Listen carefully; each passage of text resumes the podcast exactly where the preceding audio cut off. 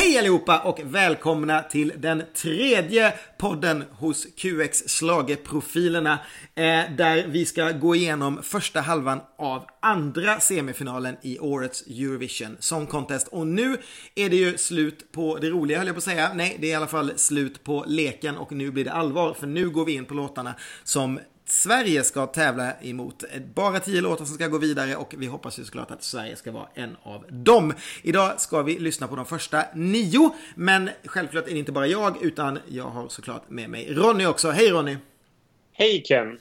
Har du haft det bra sen sist? jag har haft det mycket bra sen sist. Jag har bara tragglat Eurovision-låtar om och om igen. Om och om igen. Har du eh, packat dina väskor än?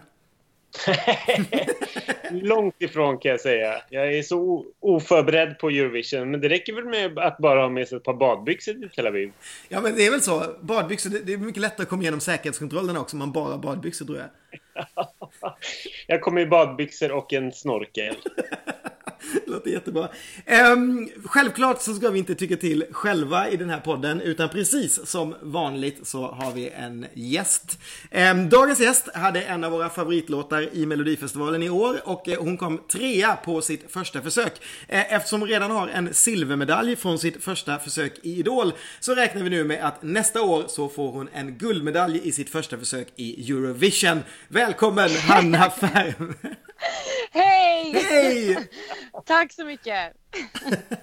låter väl bra? Jag tänkte att vi kunde bestämma ja. det redan nu. Ja men wow, det låter väl jättehärligt. vad, vad är ditt förhållande till Eurovision annars? Alltså det är väl mer att jag har alltid tyckt det är väldigt kul liksom att titta på det så här, sen jag var, sen jag var väldigt liten. Och eh, speciellt minns jag väldigt tydligt när Loreen var med och vann.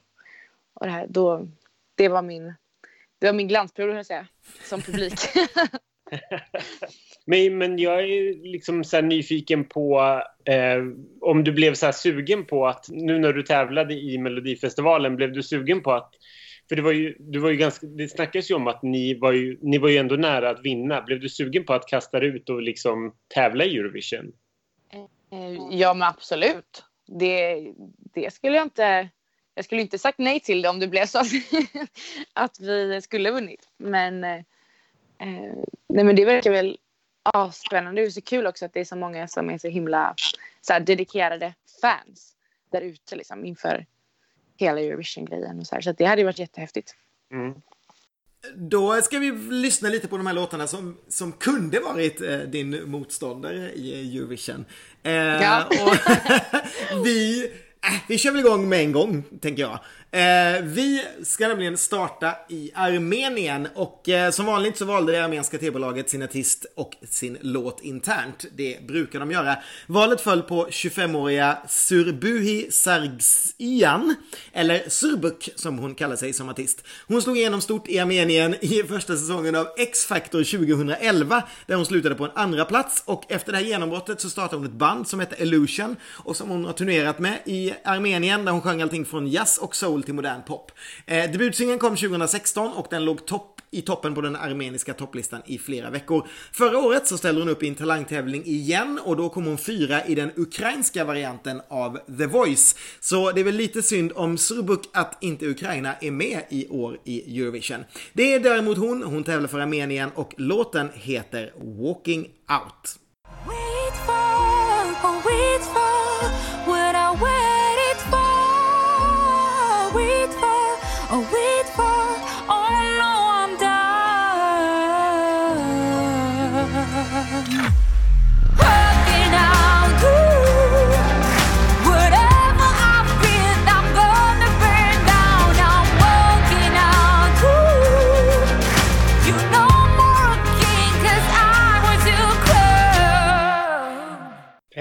jag, tycker att, jag tycker att den här är helt okej.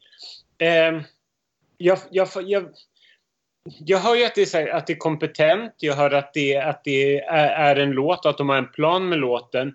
Men jag tycker liksom inte att den lyfter riktigt. Den är, den är snygg och, och så och de kommer absolut ta sig till final. Men jag tror inte att det blir topp 10 utan jag tror att det blir liksom strax utanför. Det, det är duktigt och det är bra men jag tycker bara inte att det räcker hela vägen. Jag tycker, för mig är det en svag trea. och de kommer göra ett jättesnyggt nummer säkert, för det gör alltid Armenien. Men jag tror inte att det är toppen här. Ja, men jag, jag, håller med dig Ronny faktiskt. Man har, man har liksom lite, för hö, man har lite högre förväntningar på Armenien. De brukar ju vara ganska bra. Och det betyder inte att jag tycker att det här är, är dåligt på något sätt. Men det är nog att jag har lite högre förväntningar. Och sen räknar jag med att de lyfter det live. Det brukar de göra. De är ett av de länderna som brukar vara ganska bra på att presentera sina bidrag. Eh, jag älskar när det här blåset kommer in. Tycker jag är skitsnyggt. Eh, jag tycker också, jag menar jag hör ju också att det är liksom, det är ju en hyfsat modern låt. Det är bara det att jag hade nog önskat att det var någonting lite, lite mer med den. Jag vet inte, men, men, ehm, men, ja, men bra. Jag ger också den, jag ger den en, en stabil trea. Det är verkligen en trea och jag tror också absolut att de kommer att eh, knipa en finalplats men eh, inte vara med och slåss om segern. Jag tycker att den här är väldigt så här, cool stil på själva låten och jag tycker att den, den alltså refrängen är liksom den är episk på något sätt men det är inte kanske så här wow-melodier som ni säger, liksom att det, är så här, det lyfter inte så mycket som man hade önskat kanske. Um, men jag tycker ändå att den växer och tycker den är bra så jag skulle vilja ge den en, eh, en, mm, tre och en halv blir det väl då. Mm. Nej men eh, en, en bra start på deltävlingen måste jag säga. Eh, 9,5 i snitt. Det är ändå ganska schysst för Armenien. Men eh, jag tänker väl att vi, vi lämnar dem och så hoppar vi vidare till landet som har vunnit Eurovision absolut flest gånger och det är de vi håller på att flåsa i nacken. Vi behöver en seger till för att komma upp i samma nivå som dem och vi behöver två segrar till för att vara bäst i historien på att vinna. Eh, jag pratar såklart om Irland. Eh, och eh, det gick ju ganska bra för Irland i fjol, eller åtminstone kom de till final och de fick till och med lite bass med sitt lilla eh, homouppträdande som de hade med de här två killdansarna. Eh, så då tänkte man på tv-bolaget på Irland att ja, men det här gick ju jättebra. Vi väljer vår artist och vår låt helt internt i år också. Valet föll då på 25-åriga Sarah McDonald Turnen. Eh, hon är en irländsk singer-songwriter. Hon är mest känd för att ha kommit trea i den fjärde säsongen av The Voice of Ireland 2015 och då coachad av S-Club 7s Rachel Stevens.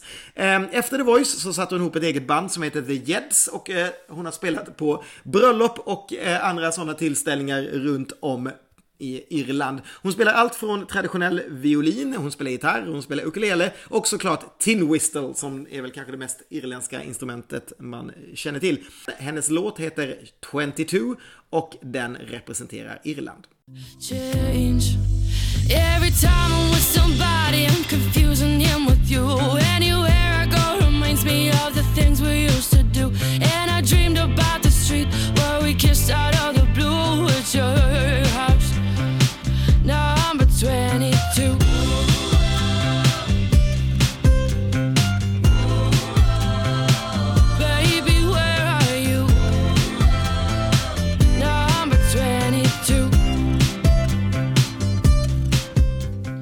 Jag tyckte så här från början att den är Alltså den är behag, heter det, behaglig att lyssna på, tycker jag. Eh, men jag ser inte den som någon så här eh, i toppen någonstans, liksom i en final. Men eh, så tycker jag också att den påminner väldigt mycket om så här lite Anne-Marie eh, i hur den är eh, som låt och textmässigt, den här 2002-låten typ. Eh, Eh, eh, vilka, ja, det var bara en reflektion och sen, eh, men så tycker jag att hon sjunger väldigt bra. Um, och jag tycker att det är en behaglig låt att lyssna på sådär som jag sa men jag tror inte på att på några jättehöga så här, placeringar liksom så. Um, så att jag säger väl uh, två och en halv då. mm. jag kör på mina halva. alltså jag håller med. Det, det här är inte, det är inte dåligt men, ja, men det är lite så här menlöst. Så att klockorna stannar nästan. Men det, det är liksom sött och det är ofärgligt. Jag tycker också att det, det låter rätt bra. Det är så här radiotrallvänligt. Jag skulle inte byta kanal om det här kom på radion. Men jag skulle nog inte komma ihåg den efter att den, den var slut. Um, mm. Och jag tror ju som du säger, vi, kom, vi behöver inte oroa oss för att de ska knipa ännu en serie och gå, gå ännu längre än vad vi eh, gör. För att jag tror faktiskt de kommer få ganska svårt att ta sig vidare från den här semifinalen i år. Och eh, start nummer två är ju inte heller legendariskt för att vara ett bra startnummer. så att nej, jag tror att ehm, jag ger jag ger Sarah halva hennes låttitel och hon får en tvåa av mig. Ja, nej det är ju inte dåligt men det är ju verkligen precis som du var inne på att det är så lätt att glömma bort det här. Den bara pålar förbi liksom. Jag skulle aldrig, man stänger ju inte av den för att den är på radio utan men den bara, den bara pålar förbi. Eh, jag tycker nog också att det är en det är en tvåa, det är okej. Okay. Jag, jag stör mig bara på hela den där grejen som du nämnde i början att, att eh, Irland leder den här topplistan över flest vinster någonsin. För det är så fruktansvärt orättvist att de hade något så otroligt flyt där i mitten av 90-talet och hade tre vinster i rad under tre år. Ett år så vann Norge och sen var de tillbaka och vann igen. Det är helt sjukt. Fyra vinster på liksom fem år. Eh, och, och, så ska de leda den här topplistan för all evig framtid. För det är ju helt omöjligt att komma ikapp i år, eller nu. Liksom. Så jag blir bara så provocerad när jag hör Irland och dessutom att det har gått, så, det har ju gått riktigt dåligt de senaste åren. Liksom. De, eh, förra året så lyckades de med nöd och näppe kvalificera sig och ta sig till final med den här eh, uh, homodansarlåten som kom på en 16 plats. Men innan dess så var det ju liksom okvalificerat och jag, jag vet inte, jag har svårt att se att det kanske ska ta sig någonstans i år också. Jag, mm. jag ger det här i alla fall en svag tvåa.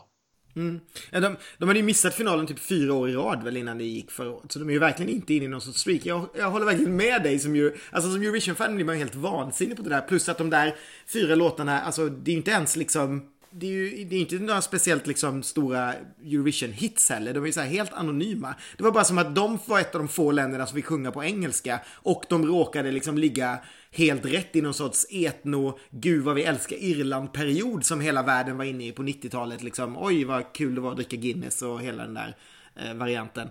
Så att, nej, jag tycker också det är så oerhört orättvist. Det här kommer man ju sura över för all framtid liksom. Men det är skönt för oss att de fortsätter skicka bara skräp. Eh, ja, Deras åttonde vinst ser i alla fall ut att vara väldigt, väldigt, väldigt långt borta. Mm. Ja. Ehm, då ska vi hoppa vidare till ett annat land som eh, faktiskt var ett av de största glädjemomenten på scen i Lissabon.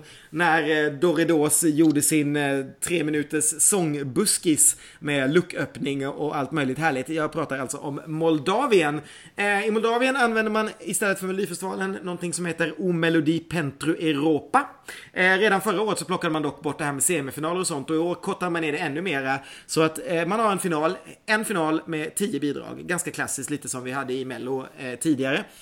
I finalen så väljer man vinnarbidraget med 50% telefonröster och 50% juryrösten. Och eh, tv-tittarna de hade en enorm favorit i en låt som hette I will not surrender. Den fick alltså 350% mera röster än vad tvåan fick. Men vad hjälpte det? Juryn hade bara honom som femma, så den här tvåan blev istället låten som landet skickar.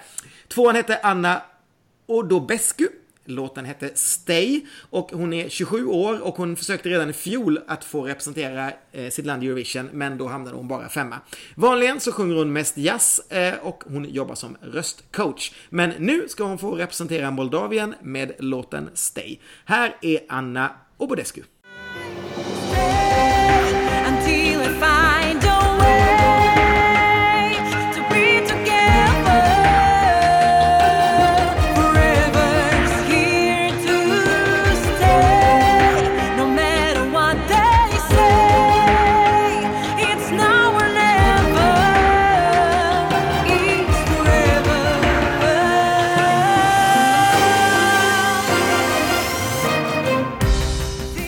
Alltså, stay, say, way. Det är lite som om jag har skrivit den här texten och liksom funderar på vilka rim jag kan på engelska. Det är så himla liksom basic.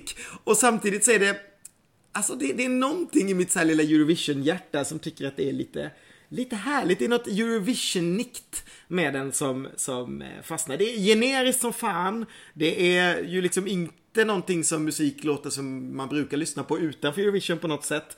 Men mm, det är någonting litet i det ändå som, som funkar för mig. Eh, sen vet jag inte hur det kommer att gå. Eh, om den kommer att försvinna, det beror lite hur hon är på scen och sådär. Men alltså, en trea får hon ju från mig ändå. Det, det tycker jag ändå. För det, jag gillar den varje gång jag hör den ändå. Eh, så. så att ja, hon får en trea från mig. Eh. Mm. Då kommer jag lite tråkig här. Nej, men jag tycker, alltså för min smak så tycker jag att den här är väldigt tråkig. För det känns som att jag har hört den liksom hundra gånger förut. Um, och hon sjunger ju jättebra och sådär men för mig så blir det nästan lite så här för, vad ska man säga, det blir bara som att man försöker göra en Eurovision-låt typ. Eh, och sen beror det såklart på hur hon gör det live och allt sånt där. Men jag satt faktiskt en etta på den här mm. låten. Mm. För jag tror det kan man hitta något roligare. ja, nej men eh, jag, jag är bara helt chockad över att, över att Ken tyckte att det här var en trea. jag kan inte komma över det. Det tycker jag var jätteoväntat. Det var bara så här, för jag, jag pratade med en kompis i veckan och berättade att ja, men jag gillar den här ganska mycket. Men det här känns också som att det här är en låt som jag ska gilla. Det här är ju väldigt traditionellt, det är inte modernt någonstans. Det är en typisk Eurovision-låt som nästan låter lite svensk. Eh, tycker jag. Det låter lite så klassisk melodifestival slash Eurovision. Och eh, tänka sig att en av låtskrivarna faktiskt är svensk. Det är en svensk tjej som heter Maria Broberg eh, som har gjort den här eh, låten tillsammans med två danska eh, kompositörer. Ehm, jag, jag, vet inte vad jag ska säga. Jag, jag, blir lite småglad när jag hör den för jag tycker att det finns en, sån, en plats för den här typen av klassiska låtar i Eurovision. Men, men, med det sagt så tror jag inte att det kommer gå så bra om nu inte hon är fantastisk på scen och sjunger otroligt bra. Eh, jag tror att de får det, får det nog lite tufft att ta sig vidare. Men jag ger den en stabil tre i alla fall. För jag gillar det men jag är inte alls säker på att Europa kommer göra det. Det är så roligt det där du säger för att, för att jag, alltså Alltså en del av mig känner bara att jag borde säga exakt samma sak som Hanna säger. Men en del av mig är ju verkligen du också. Så jag, jag förstår precis vad du säger. Att jag är verkligen så här mitt emellan. Det är så här, jag, jag, vet inte vad det är men jag tror precis det, det du sa Ronny. Att det är så fruktansvärt basic. Alltså Eurovision. Att det nästan är liksom. Ja men någonstans är det väl det här som man liksom. Som jag, ja, du vet när man börjar lyssna på Eurovision för hur länge sedan som helst. Så bara ja men då lät det så här och då, då, då, går det liksom inte, då är det så här, ja men det, det här är lite härligt. Men, men det är ju liksom mossigt och ja. Mm. Men eh, kul, kul att vi har en liten moldavisk favorit i år igen tillsammans då Ronny. Ja. Ja, nej men vi, vi lämnar Moldavien och hoppar vidare till en låt som är en faktiskt av de stora odds-favoriterna i år. Efter konstanta fiaskon så var det kanske inte så konstigt att schweizisk TV, de bestämde sig för att skrota sitt uttagningsformat helt och eh, välja sin kandidat internt istället. Eh, man satte ihop en gigantisk jury med över så här 100 personer som hade suttit i olika så här jurygrupper i Eurovision för olika länder tidigare. Så man plockade en jäkla massa folk. Ehm, och dels en annan jury med 100 personer från folket och så fick de här 200 personerna plocka ut massa låtar och diskutera och bla bla bla. Och till slut så hittade man 24-åriga Luca Henny med låten She Got Me. Luca Henny, han slog igenom med buller och bång när han 2012 som 17-åring vann Tyska Idol. Och han blev då den både, både den yngsta vinnaren i Tyska Idol någonsin och också den första personen som inte var tysk eftersom Luca är från Schweiz. Det var egentligen meningen att Luca skulle bli murare, eh, men istället så blev det alltså utsålda turnéer, 16 släppta singlar, 4 album och två av dem har toppat den schweiziska försäljningslistan. 2017 så slog han sig dessutom in på dansen och vann en stor tysk danstävling. Ehm, och förutom då att vara musik, eh, hålla på med musik och hålla på med dans så skapar han dessutom egna kläder och har en egen modelabel. Och han jobbar också själv som modell och tar bilder han publicerar i sin egen tidning som heter stories. Det finns så oerhört mycket intressanta fakta om den här killen som ni hör. Men jag tycker att det som behöver nämnas också är ju att den här låten då, den är skriven bland annat av den kanadensiska låtskrivaren Laurel Barker. Och hon låg även bakom landets bidrag i fjol och i år har hon med hela tre bidrag i tävlingen. Förutom detta då även Storbritanniens och Tyskland. Och hon skrev även Margarets bidrag i årets melodifestival. Nu har vi pratat oerhört mycket om den här låten som är favorittippad, så nu är det dags att vi lyssnar på Schweiz, Luca Henny och låten She Got Me. When she go low, when she go low, she goes so low, she goes so low. Oh, she know, oh, oh, she know, she got me dirty dancing. When she go low, when she go low, she goes so low, she goes so low. Oh, she know, oh, oh, she know, she got me dirty dancing.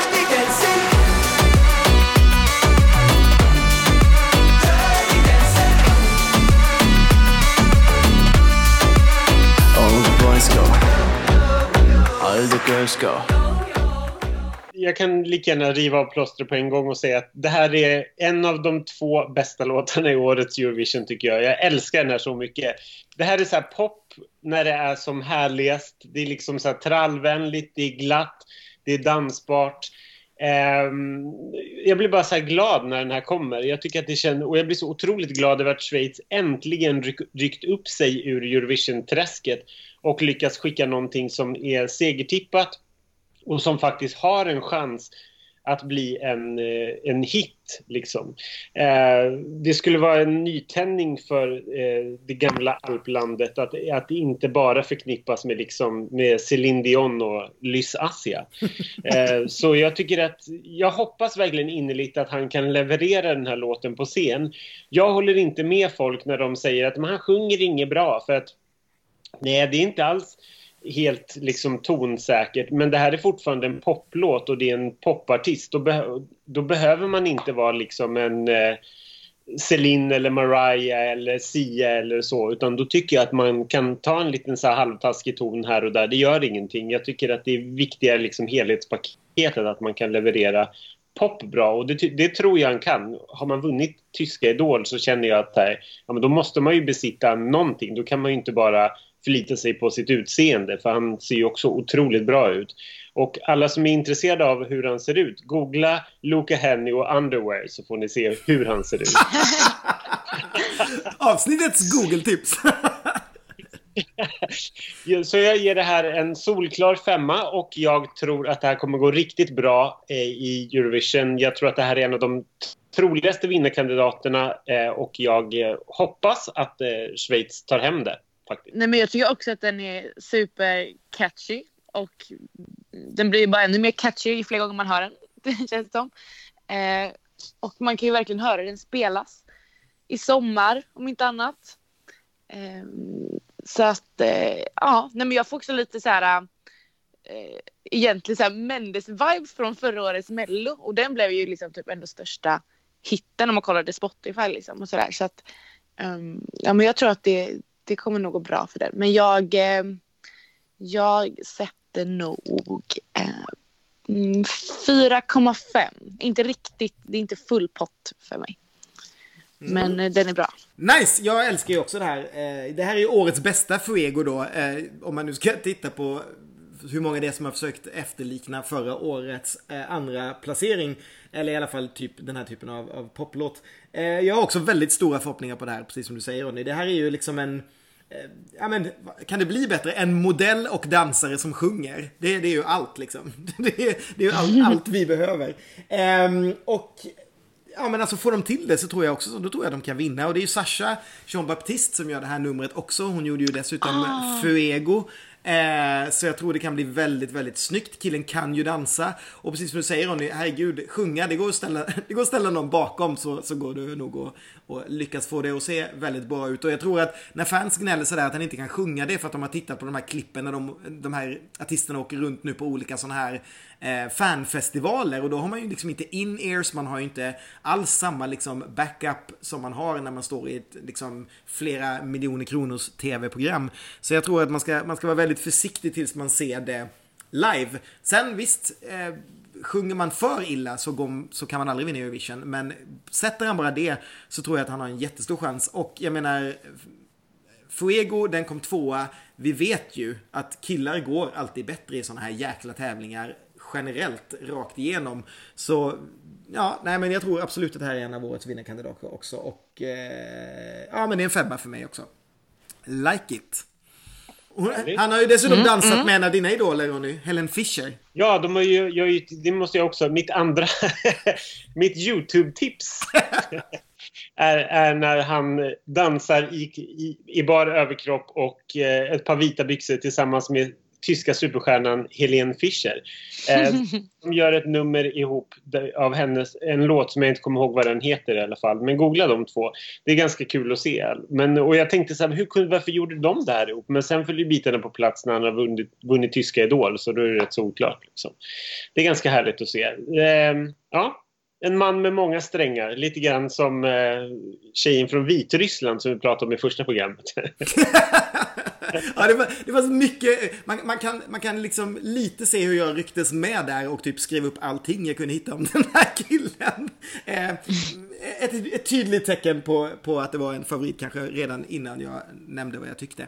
Nåväl, vi lämnar Schweiz och hoppar vidare till ett land som har exakt samma färger i sin flagga, nämligen Lettland. Eh, Lettland Eh, har ett uttagningsformat som heter Supernova. Den femte upplagan av det. Den består av två semifinaler och eh, från varje semi gick fyra bidrag vidare till en final med åtta bidrag. Eh, det här är lite roligt. Letterna var nämligen väldigt grundliga när de skulle ta reda på folkets favorit. De kollade tv-tittarna då som fick ringa in sina röster. Sen kollade de dessutom hur låtarna hade gått på Spotify. De hade också parallellt en omröstning på webben som vägde in vad folk tyckte och dessutom så lät de besökarna i ett köpcentrum samtidigt som programmet gick rösta eh, i köpcentrum då. eh, och så viktade man ihop alla de här eh, rösterna då för att rangordna de här bidragen från 1 till 8. Och vinnaren den blev då en låt som hette You Make Me So Crazy med en artist som heter Marcus Riva. Nu hade ju inte det här så stor betydelse då, för dessutom så lät man en jury säga sitt. Och den här juryn, deras röster vägde exakt lika mycket som hela det här andra gänget, alla de här olika sätten de hade haft. Eh, juryn hade bara Marcus Riva som tvåa, så istället så skickar nu Lettland en finallåt som innan finalen hade gått näst sämst av alla låtarna på Spotify. Så mycket brydde de sig om det. Nämligen låten That Night med gruppen Carousel. Eh, Carousel, ett, ett lettiskt indiepopband från Riga, grundade 2015.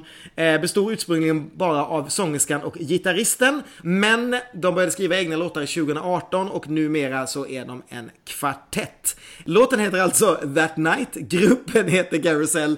De kommer från Lettland och låter så här. Love,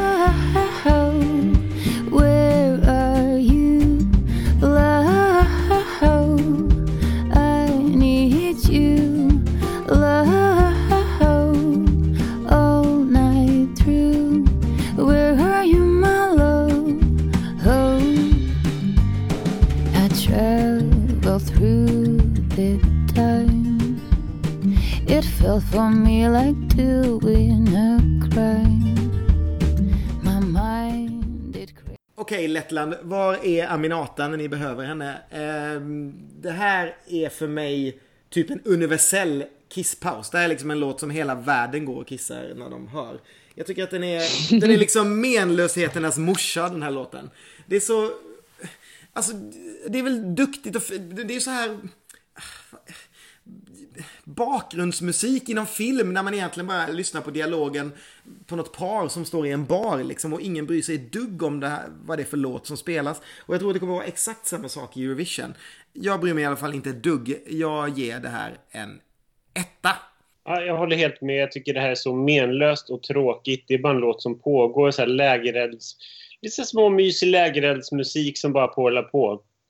Om jag inte minns helt fel så tror jag att det är Filip Adamo och René Mirro som ska stagea det här i Tel Aviv. Eh, vilket jag inte riktigt förstår varför man tackar ja till att hoppa på, på det här tåget. Det känns, lite, det känns lite poänglöst. Jag ger det här en etta och tror att det här inte kommer ta sig någonstans överhuvudtaget. Ja, eh, nej men jag håller med båda. Det första jag tänkte var väl så här filmmusik. Det skulle lätt kunna vara liksom i någon eftertext någonstans eller något lite sådär. Eh, inget dåligt men liksom menlöst, lite tjatig. I det här sammanhanget blir det väl också en etta.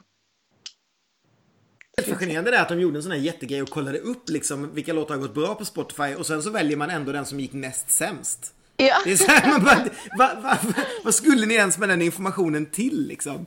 Det är så ja. konstigt. Eh, och det är inte jättekonstigt att det var den som gick näst sämst heller.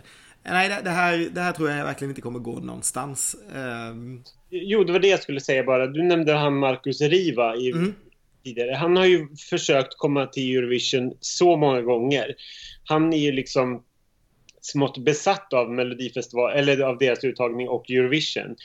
På något sätt så addade han mig på Facebook för väldigt många år sedan. Och sen har han liksom funnits kvar där på något sätt. Eh, och sen har jag följt hans lilla resa liksom. Han ser bra ut, han ser ut som en popstjärna och han får bra låtar, men han sjunger fruktansvärt. Tyvärr. Alltså, så här, det räcker inte och han blir liksom inte bättre. Det är liksom ton... Det här det är ett typiskt exempel på att man kanske inte, vem som helst kanske inte kan bli artist. Man kan inte öva sig till det här för att han sjunger inte tillräckligt bra. För han har fått jättemånga bra låtar i deras uttagningar så, och låtar som jag tyckte så här, men det här skulle de kunna skicka och sen hör man det live och då bara, nej men det här funkar inte alls. Så där. Ett, ett välmenande ord på vägen, Marcus Riv, om du hör det här. det roliga var att fram tills du sa det här att den inte kunde sjungas tänkte jag säga meningen. Så du menar att han är Lettlands Magnus Carlsson. Så det betyder att jag inte hann säga den meningen innan du drog din slutkläm där. Vissa människor ska inte vara artister. Okej, okay, inte riktigt så. Men, men väldigt, väldigt många försök. Det, jag håller... Um, jag har också hört det här namnet flera gånger men jag visste faktiskt inte alls hur han sjöng. Jag har faktiskt inte ens besvärat mig med att kolla upp killen. Men då, då, då vet vi det. Väldigt synd, för han, han ser bra ut och ser ut som en popstjärna men det, liksom, det, det, det saknas det här liksom, det röstmässiga tyvärr. Så, så, så Marcus Riva är den verkliga Luca Henny, kan vi säga då? Ja, typ. ja, Okej, vi lämnar eh, Lettland och så hoppar vi till eh, Rumänien som ju faktiskt gjorde ett enormt fiasko i Lissabon förra året eftersom det var första gången som de inte tog sig till final första gången i historien. Så vad gjorde man i år? Jo, man höll faktiskt en, en konferens om hur man skulle kunna förändra sin eh, uttagning så att inte detta skulle upprepas. Man tog bort tre av fem semifinaler, man bantade ner tävlingen till bara två semis och en final och eh, så långt allt väl. Men, men redan innan allting drog igång så kantades den här tävlingen av en massa skandaler. Massa artister som hoppade av tävlingsledningen. De hade vissa favoriter redan så det var ingen mening att vara med som artist. Eh, Huruvida detta var sant, det vet man inte. Men eh, det man vet är sant är att de förmodligen använder det mest orättvisa systemet av alla i år i Europa för att välja ut sin vinnare. I finalen så vägde ju, eh, folkets röster lika mycket som en person. Så att det var de här sex jurygrupperna och så eh, folket då som en person. Så man kan säga att rumänska folkets röst vägde ungefär hälften som bloggen Viviblogs röster gjorde.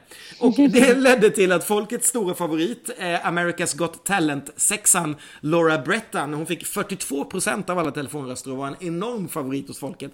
Hon fick se sig slagen av låten On a Sunday med Esther Pony som var stor favorit hos jurymedlemmarna men fick knappt 3% av rösterna hos folket. 25-åriga Esther Pony, hon är ett ganska obekant namn för rumänerna. Hon föddes i Rumänien men hennes föräldrar flyttade strax därefter till Kanada och där bodde hon tills hon var 12. Hon har skrivit lite låtar till andra artister men nu har hon fått skivbolag och börjat släppa egna singlar och det gick ju riktigt bra eftersom Vivi Blocks och juryn tyckte att Esther Pony med On a Sunday skulle representera Rumänien i årets Eurovision. You know, you know,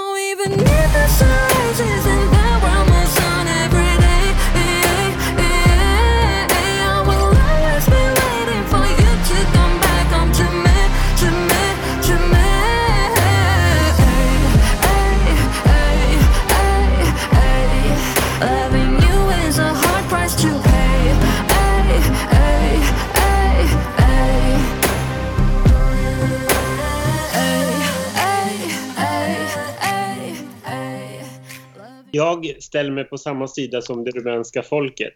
Jag tycker att det här var så tråkigt så att jag vill slita av mig öronen. Det händer, det händer liksom ingenting. Om det här var det bästa de hade att, att sålla fram, hur lät då resten? Eh, jag, jag, tror att det kommer gå riktigt uselt för Rumänien igen. Så jag ger den här en solklar etta. Första gången jag hörde den tyckte jag att den var väldigt skum. Jag fattar inte så här att refrängen hade varit liksom när andra versen börjar typ. Um, så jag tycker den är lite skum. Um, men jag gillar den ändå så här, uh, personligen för att den just därför att den är lite så här, lite skum. Um, men jag tror inte heller att det kommer gå så jättebra i själva tävlingen men så att jag ger den någon slags mellan mellan eh, mjölk. Men jag gillar den ändå så att en, en trea kan den få. Mm, då lägger jag mig mitt emellan er tror jag. För jag tycker inte heller att det är speciellt spännande. Eh, de brukar ju, alltså, eller det är ju dumt att använda uttrycket de brukar eftersom de inte gick till final förra året. Men de har ju fått vidare ganska mycket märkliga saker eh, genom åren. Också väldigt många bra saker ska sägas. Eh, de är verkligen nere i en, en svacka just nu. Eh, men det ska bli intressant att se om de kan lyckas släppa vidare det här. Det beror väl liksom lite på hur hon är på scen och vad de gör. Det är lite, det är lite borderline för mig. Jag tycker nämligen att, jag, jag, tycker ändå att det finns något här. Jag tycker det kan ju också vara för att Christer har placerat den efter Lettland som jag tycker är totalt meningslös. Så tycker jag ändå att det finns något här om det så är prodden eller det, ja, men, någonting. Eh, men visst, jag har inte heller hört resten så det är ju väldigt intressant att se vad de, vad de hade att slåss mot när, när hon slog ut och eh, gick vidare med det här. Så, na, det blir en, det blir en tvåa för mig. Eh, det tillhör inte mitt liksom sämsta skikt, men det är absolut ingenting som jag går runt och lyssnar på eh, frivilligt. Och som sagt, det ska bli superspännande att se vad de gör av det här och om de missar eh, finalen ännu en gång, för då behöver de ju verkligen tänka till hemma i Rumänien. Då Mm. ska vi åka till ett land som ligger mycket, mycket närmare oss än Rumänien. Vi ska nämligen åka till Danmark där tio låtar tävlade i Melodi Grand Prix 2019. Tre låtar gick vidare till en superfinal och där valdes vinnaren med 50% jury och 50% tv-tittare. Och de här grupperna var väldigt oense, eh, men eftersom jurygrupperna var säkra på sin favorit så vann deras favorit, den 20-åriga Leonora med den delvis svenskskrivna låten Love is forever. Eh, innan vinsten i MGP så hade Leonora mest framfört egna låtar på skolföreställningar och bibliotek och kaféer. För hennes stora passion har i livet varit konståkning. Hon har vunnit flera fina priser och bland annat blivit dansk juniormästare i konståkning tre gånger. Numera så tävlar hon inte, men hon tränar andra och eh, koreograferar konståkningsnummer. Bland låtskrivarna då så hittar vi Lisa Kable som ju skrev Danmarks senaste vinnare Only Teardrops och svenska Melanie Webe som ju skrev Lina Hedlunds Victorious. Eh, låten är faktiskt den första danska låten som inte sjungs på 100% engelska sedan den här regeln med valfritt språk infördes 1999. Och det beror på att Leonora i slutet växlar mellan engelska, danska, franska och tyska för att förstärka låtens budskap om att kärlek är någonting universellt. Eh, ja, det får ni inte höra här, utan det får ni lyssna på någon annanstans. Men ni kommer att få höra lite av Love is forever med Leonora från Danmark. Love is forever. Love is forever. And everyone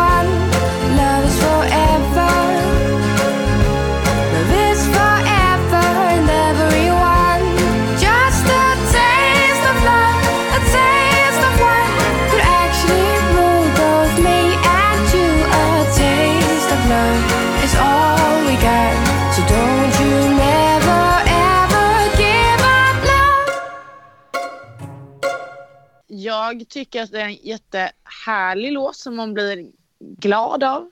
Lite som en, som en saga. Um, och uh, så gillar jag ju såklart också att det är lite svenska låtskrivare.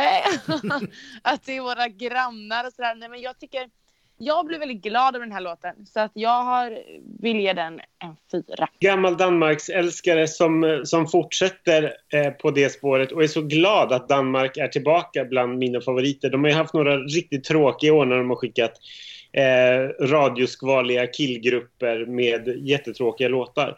Eh, den här, jag tycker att den här är superhärlig. Jag blir så glad av den eh, varje gång jag hör den. Och när jag var i London nyligen så på det här eh, för det Eurovision-festen i London så var ju publiken helt till sig när hon sjöng och jag, det, det var ett så här otroligt mysögonblick när hon liksom har sjungit färdigt låten och tar upp och sjunger utan, eh, utan band i bakgrunden och hela publiken bara hakar på och bara sjunger hela låten så att liksom lokalen håller på att braka ihop. Då blev jag så här, ah, det här kan ju vinna alltihopa. det tror jag inte, wow. inte att det gör, men jag, eh, jag tror att den här skulle kunna skrälla. Nu, nu är det ju så att eh, ser man uppträdandet i den danska eh, melodi eller Melodi Grand Prix-uttagningen så ser ju hon väldigt nervös och stirrig ut. Det tror jag och hoppas har lagt sig ganska mycket när hon åkte runt i Europa och sjungit den här. För hon har varit på nästan alla de här äh, Eurovision-festerna. Så jag tror att hon är lite, lite bättre än så. så det skulle kunna gå inom rutan. Jag tror inte att det vinner, men jag tror definitivt att den här kommer gå till final och jag tror faktiskt att den kan pl placera sig ganska bra. Jag skulle inte bli förvånad om den kom topp 10 eller äh, strax däromkring och kanske tangerade Rasmus och sen tionde, eller ja, nionde plats tror jag var förra året. Så att heja Danmark säger jag, jag är glad att ni är tillbaka. Det här blir en solklar fyra för mig. Att vi har lyckats prata om den här stunden utan ens att nämna Lemon Tree med Fools Garden. Alltså den här början är så mycket Lemon Tree för mig. Det kanske inte ens du kommer ihåg Hanna, men det var, det var en hit på 90-talet. Som, som, hette, nej, som hette Lemon Tree. Eh, som, som påminner jättemycket om den här. Jag, jag har ju alltid haft supersvårt för Danmark, eller brukar ha supersvårt. Jag, jag tycker de brukar vara så här, ja men lite simpla och finesslösa. De är lite så här Eurovisions Ullared liksom. Att eh, de, de är liksom folkliga, lite, lite för folkliga och så går det jättebra för dem fast det är mest skräp. Men chocken jag håller med dig till 100% Ronny. Jag vet inte om det är för att vi har umgått för mycket, men jag har också haft precis de här tankarna. Att det, det här är ju någonting som jag tror kan funka. För jag, precis som Hanna sa, att man blir ju man blir ju liksom glad av det. Det är väldigt effektivt, det är väldigt enkelt, men det är ändå inte liksom störigt barnsligt. Eh, jag, tror att, jag tror verkligen också att det här kan skrälla om de, om de gör det på rätt sätt. Liksom. Och, och i den här danska uttagningen också sitter hon ju på en gigantisk stol. Och man ska aldrig liksom underskatta en prop. Alltså den där eh, stolen, den är ganska ful, men ingen kommer glömma bort hon som satt på en stor stol liksom.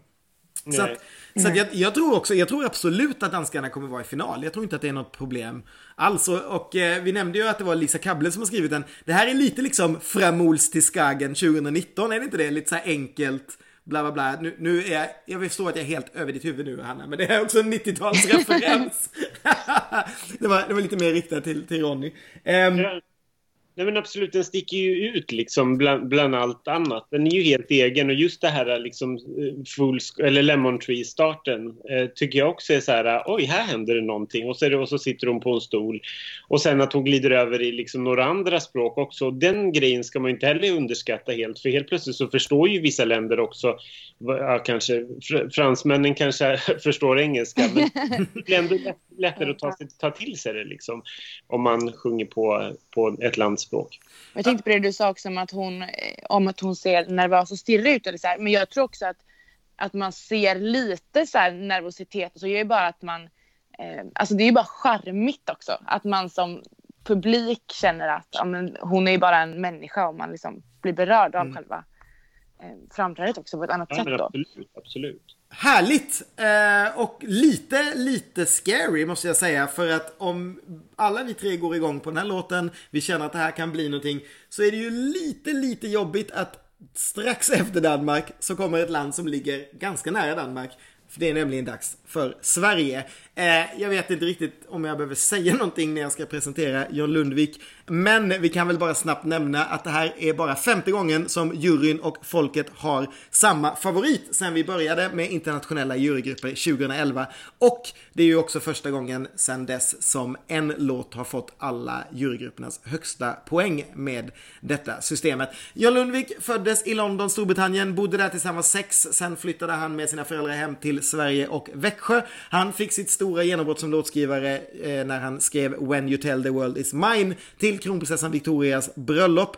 2014 gick han direkt till finalen med Melodifestivalen för första gången, men då som låtskrivare till Anton Ewald. Men det var när han kom trea i Melodifestivalen förra året med My Turn som han fick sitt stora genombrott. Och han är ju också historisk i år eftersom han inte bara tävlar för Sverige, han tävlar också som låtskrivare för Storbritannien och det är faktiskt första gången som en eh, artist har en låt eh, med som låtskrivare och framför en annan låt själv.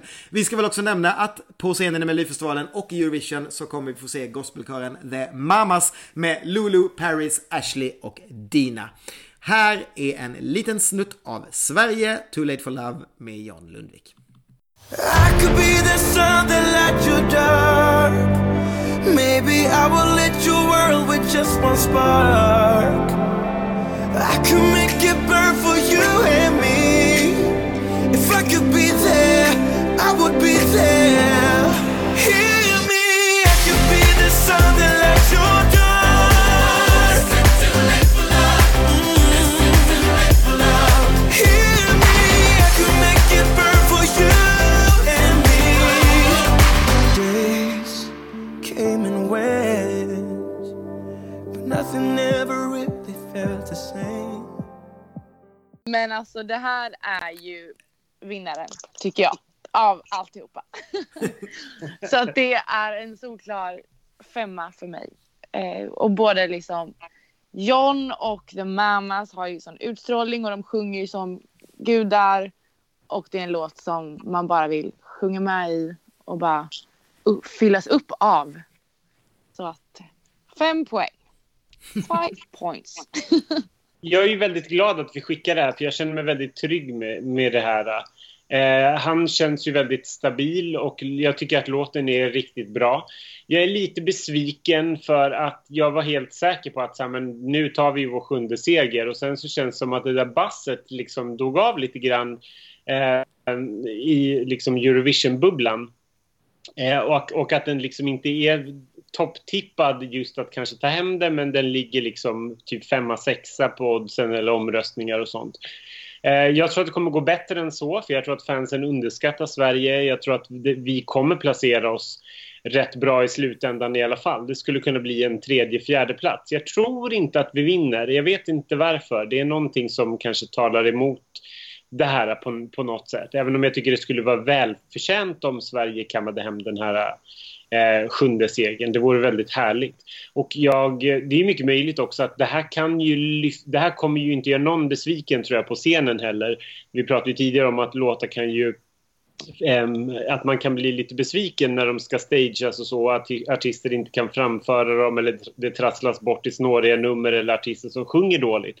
Jag tror snarare att det här kommer lyfta och så kommer man känna så här wow, nu är vi tillbaka där vi, på samma eh, nivå som vi kände under den, strax efter den svenska finalen, att nu jäkla vinner vi. Eh, så jag tror inte att vi vinner, men jag tror att vi kommer vara ganska nära toppen i alla fall. Och jag tror definitivt att vi kommer få mycket poäng av jurygrupperna. Eh, jag kan inte annat än att ge den en femma såklart, för jag tycker att det är en riktigt bra låt. Och det är jättekul också att skicka en, en låt som är en hit i Sverige och att vi var överens, både jurygrupperna och folket. Mm. det finns inte mycket kvar för mig att säga, utan jag håller ju med er Eh, båda två, vi är ju löjligt överens. Det hade varit väldigt roligt om jag bara, det här är min nolla. Eh, men så är det ju såklart inte. Jag älskar ju också John, jag älskar låten, jag älskade Mamas. Det var ju en av mina favoriter tillsammans med Hanna då i eh, eh Melodifestivalen oh. i år. Eh, och jag hoppas ju också då att numret liksom kan bli ännu vassare lite så när man tittar på Loreen som man tyckte var magiskt i Mello. Men när man nu tittar på liksom Mello och Eurovision, eh, gamla klipp, så är det ju liksom Eurovision bara ännu häftigare. Och jag hoppas det blir exakt samma sak här. Jag tror också lite att det är kanske därför den tappade lite i bass, för att den, den är ju faktiskt bättre live. Och då ska vi ju säga att det, det här är ju en Spotify-raket, den har ju gått hur bra som helst, det är ju liksom en hit. Men jag tycker ändå att när man ser den live med The Mamas så är det ytterligare liksom en växel som läggs in, eh, just för att de är så jävla bra live. Men det, eh, men det är en sån vinnarkänsla i låten på något sätt. Mm. När man hör den. Ja men precis. Live. Mm. Verkligen. Och jag tycker också det är väldigt roligt för det känns som att jag vet inte, alltså jag har ju eh, tyckt jättebra om låtarna som har vunnit de senaste åren men när man kollar runt bland så här vänner som inte är så inne i Eurovision så har de ju i år så finns det liksom en annan pepp i Sverige på något sätt för att rätt låt vann på ett annat sätt som det inte kanske gör när det är så här juryns trea, eller vill säga folkets trea som går och vinner. Ehm, och att det är folk så här, ja men det, det, det, finns liksom ett annat sug så jag hoppas verkligen att det går bra. Sen tror jag också att det kanske, kanske är mera en jurylåt än en eh, folkets låt. Jag tror kanske att, eller jag nog säker på att vi går till final. Jag är säker på att vi får mera poäng av folket än vad kanske Benjamin fick som ju visade sig vara en ganska svår låt för folk att gilla. Men jag tror nog att vi återigen kommer vara en favorit mera hos juryn än hos de europeiska eh, tv-tittarna tyvärr. Eh, bara för att det, det, finns andra låtar helt enkelt som är lite mer publikfriande och inte någonting annat. Men visst, det blir en femma för mig också och eh, tre femmor i rad. Vi, vi, vi, älskar vårt eget land här och det är väl så det ska vara. Eh, full poäng till Sverige.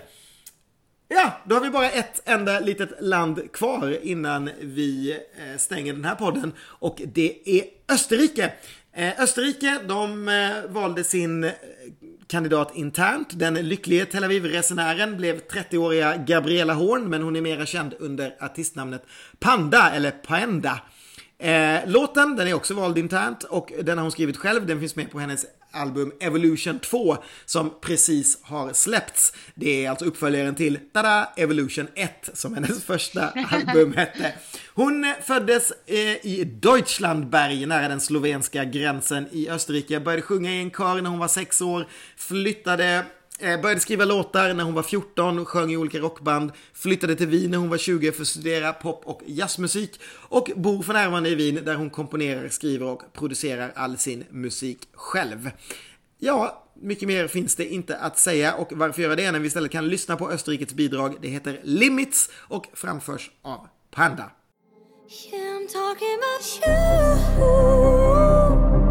Yeah,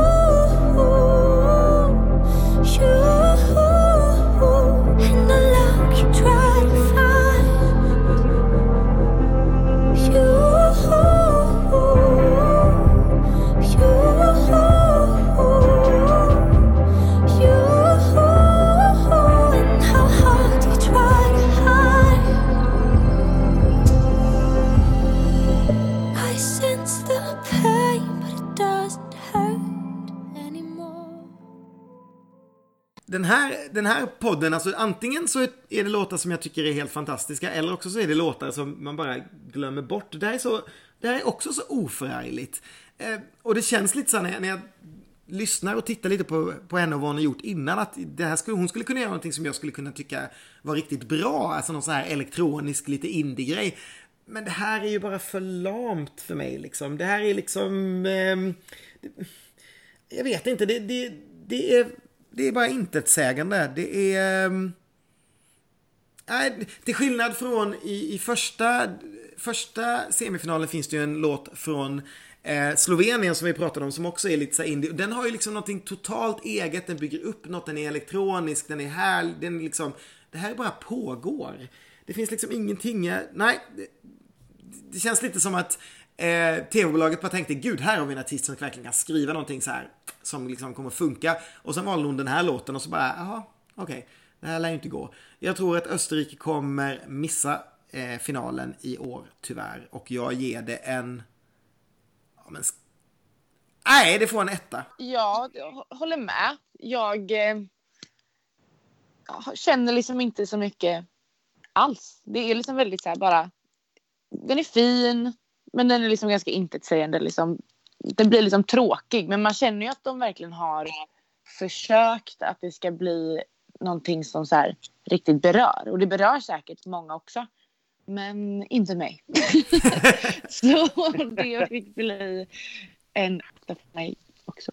Ja, det finns ju inte så mycket att säga om det här. Det är liksom bara... Det bara pågår. Jag tycker inte att det är så dåligt. Jag tycker inte så dåligt. Jag gillar den här... Eh, den är, det tycker jag är lite små skönt ändå till skillnad från några andra låtar vi har hört som jag tycker är lite så här intetsägande.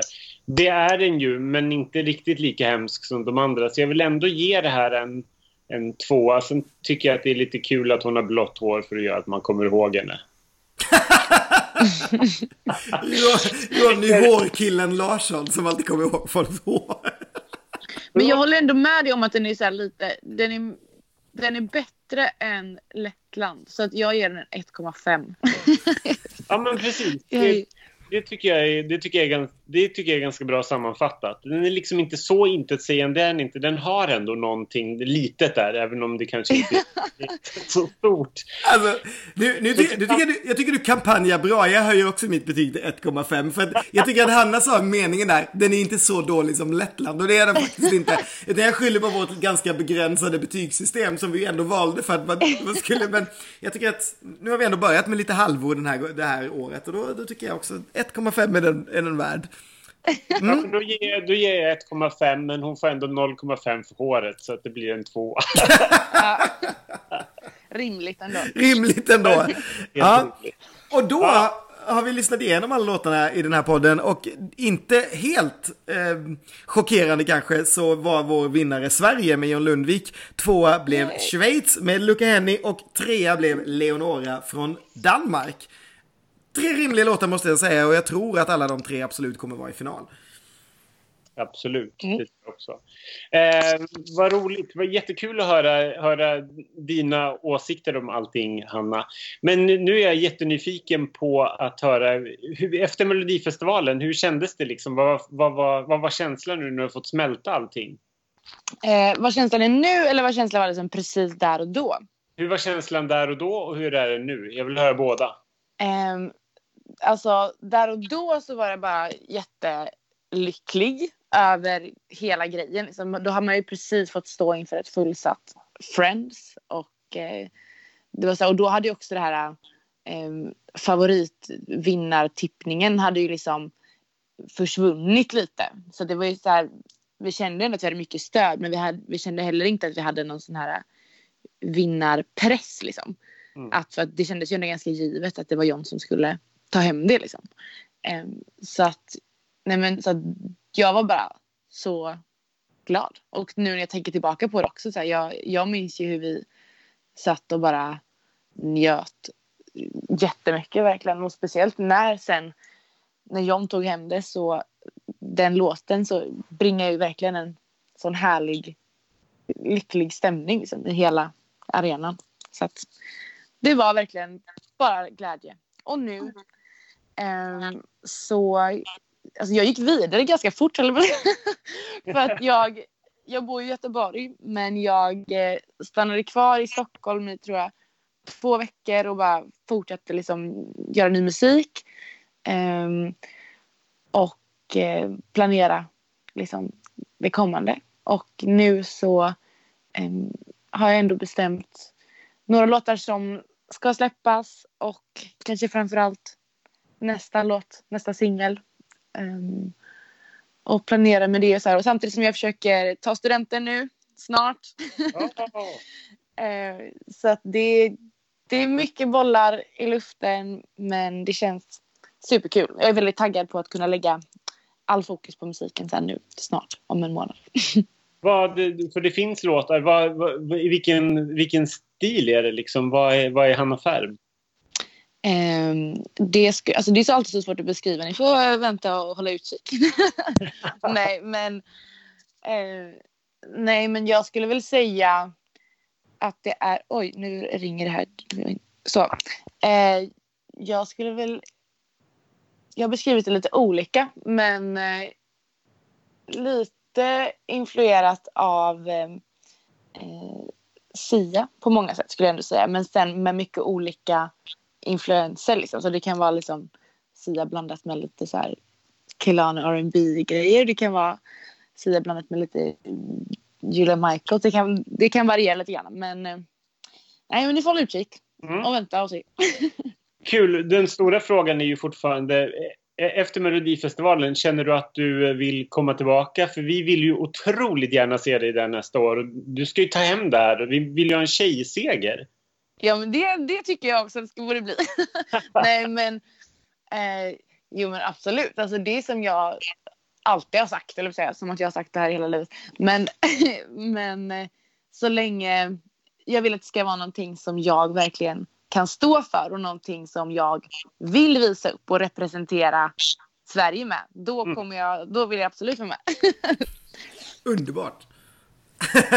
det är verkligen, det är precis så det ska vara. Det är, det är helt rätt inställning. Gud vad lycklig man blir när någon, när man verkligen säger det rakt ut. Vi gamla Mello och Eurovision-älskare, det är precis det vi vill höra folk säga. Härligt. Mm. Underbart och jag ser fram emot att se dig på ett studentflak här i Göteborg då. Komma förbi åkandes, sjungandes John ja! Lundvik för full hals när som helst. det kommer ske. Det jag ska ske. dokumentera det. Ja. Hon, hon kommer sjunga den schweiziska Eurovision-vinnaren. Hört den så många gånger i, och pratat om den. Jätteroligt. Det är jättekul att du var med Hanna. Superschysst verkligen och eh, lycka till med allting framöver, både musiken och eh, studenten. Tack så hemskt mycket och tack för att jag fick vara med. Jättekul. Ja, vad roligt. Tack så mycket och tack alla ni som lyssnade. Nästa podd tar vi och lyssnar på de resterande nio låtarna i den här eh, semifinalen där Sverige ju tävlar. Och då har vi med en annan gäst. Vem det är, det har ni ingen aning om och det vet inte vi heller. Det får ni höra då. Ha det bra, hej då! Hej då!